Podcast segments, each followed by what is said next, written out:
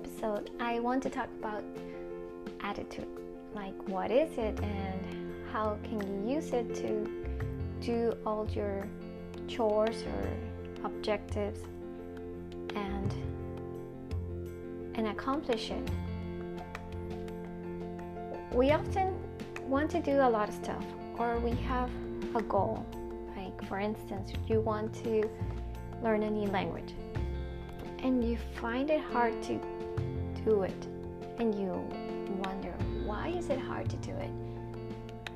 Well sometimes we need to understand what is attitude and what to do with it in our own person.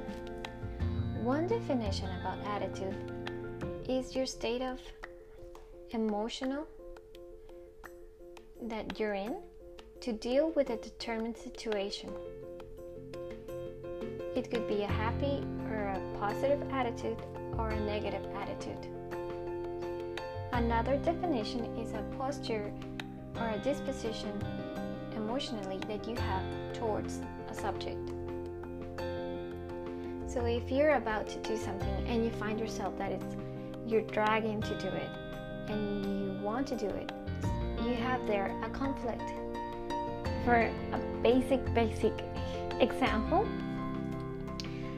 it's like you need to do the, la- the laundry or the dishes, chores around the house, or you have to do homework. And it seems so hard to do it. Like you're dragging yourself, you're dragging your feet, you're dragging, and it feels heavy. And you need to do it. You need to accomplish that and you find yourself in Monday. Well, if you're about to initiate something and you find yourself stuck emotionally or physically with that conflict, the first thing you want to do is take consciousness of your frustration physically or mentally, mentally and emotionally. How do you relate with things? For instance, if you don't want to do the dishes or you don't want to learn a new language, but you have to, just take consciousness of that frustration.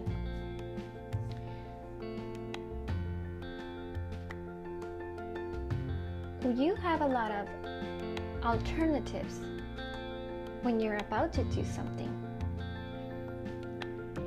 like a preparation to do it. I want you to choose one of the alternatives of your state emotionally. You can be bitter, you can be in a bad mood, negative, sad, happy, joyful, fun, optimistic, positive, secure, and to see enthusiast, so you have a lot of options there. Which one would you choose to start something? I want you to acknowledge those options.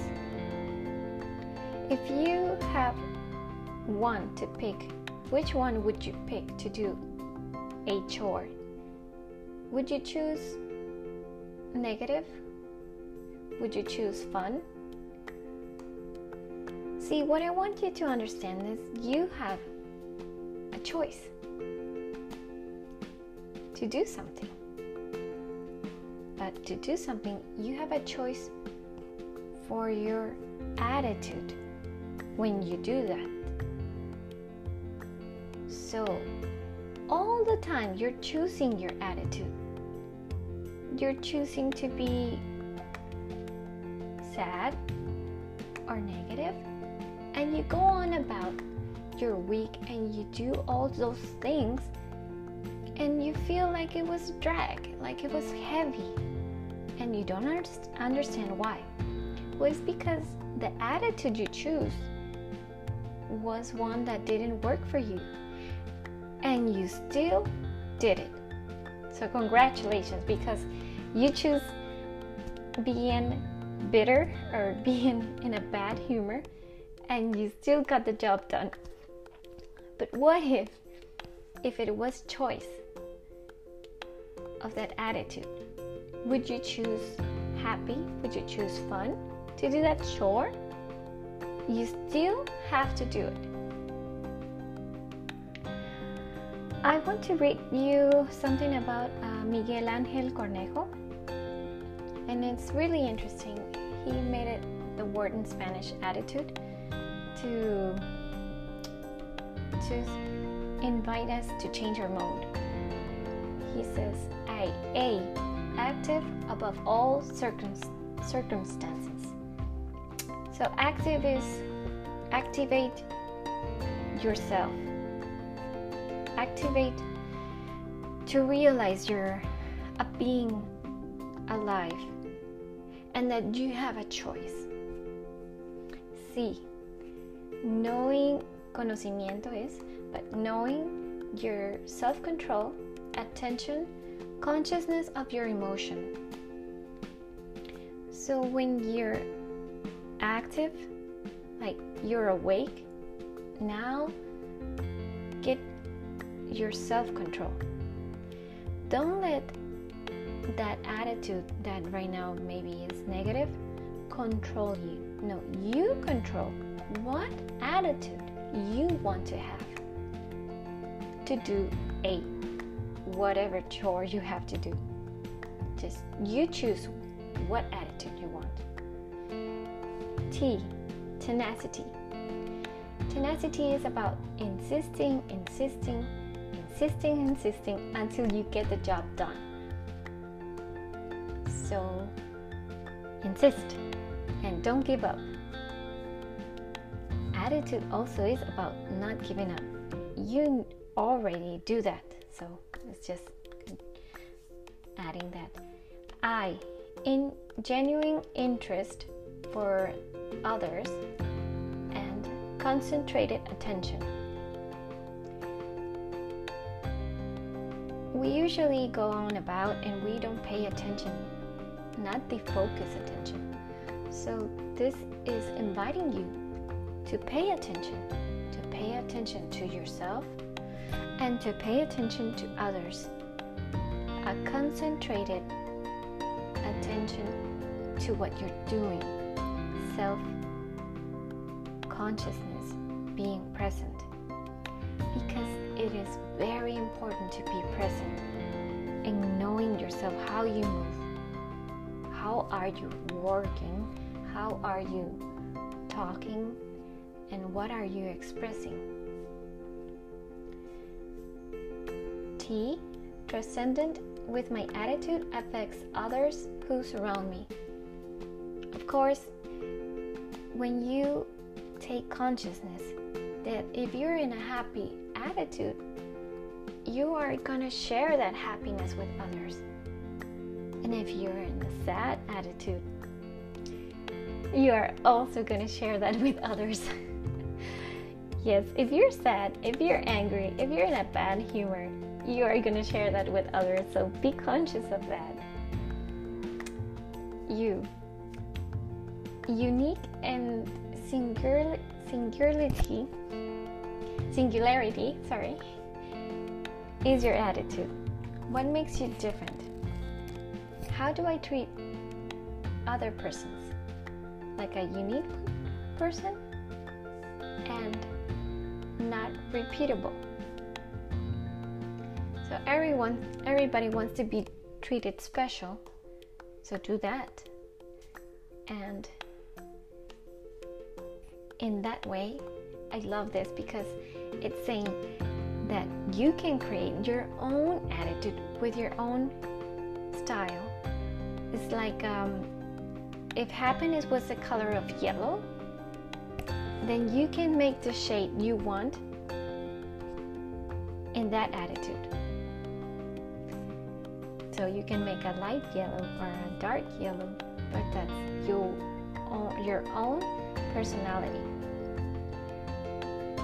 And I demonstrate my actions with value and I have fun with every chore I do. So it's an opportunity when you're doing whatever to show your value? Do you want to do it well done? Or do you just want to go by? If you make a mistake, do you take responsibility and amend your mistake? Or did you just slip it under the, the rug? I guess you choose. And when you choose, it kind of opens a new possibility because you use your imagination. Today is the best day of my life. You can choose that since the morning. Today I triumph in everything I do. We always have um, things going on, flat tire, or you're running late, or another chore. Those things happen all the time. But when you take control of your attitude, those things don't own you anymore. I make this day a fascinating adventure. Of course, if you take control of your attitude, then you can improvise and you can use your creativity to fix, to create, to get things done in your own way. So today I make my dreams come true. Of course, your dreams are unique, they're suited to your life.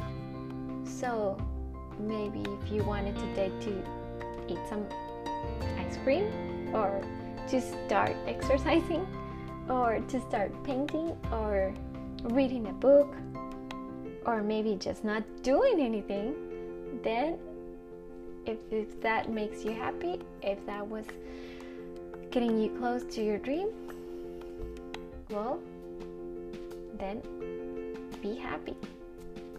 And continue that.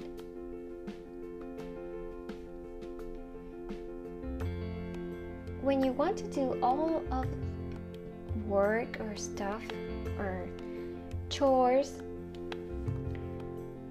whatever you want to do, surrender your will to God and trust Him. If you're not feeling happy, I get that. I've been there. I'm I've been where I'm feeling sad and I don't know why or I'm in a bad mood and I don't know why. But I know and I want to share this. Surrender your heart. Open it. And let God fill your heart with joy. If you let like somebody, a stranger who was treating you badly change your mood, then why not open your heart to God and let Him fill you with joy and gratitude? If you start everything with an attitude of gratitude, it's like starting a fire with a little match.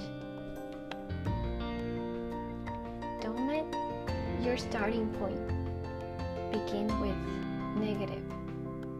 Well, if you are in that place, if you are in the place where you're negative or feeling sad or in a bad humor, then I want to help you take consciousness of that and use it as a point of reference to determine what's next. What do you want next? Do you want to continue like that? Or do you want to change? And if you want to change, then choose that. You have it in your power. It's your will to change and to create and to have a happy day. Well, if you like this episode, please share. And if you want to, uh, if you want to write and ask for me to talk about another subject, then you can write me in espirituactivado at gmail. Thank you. Bye. Have a nice day.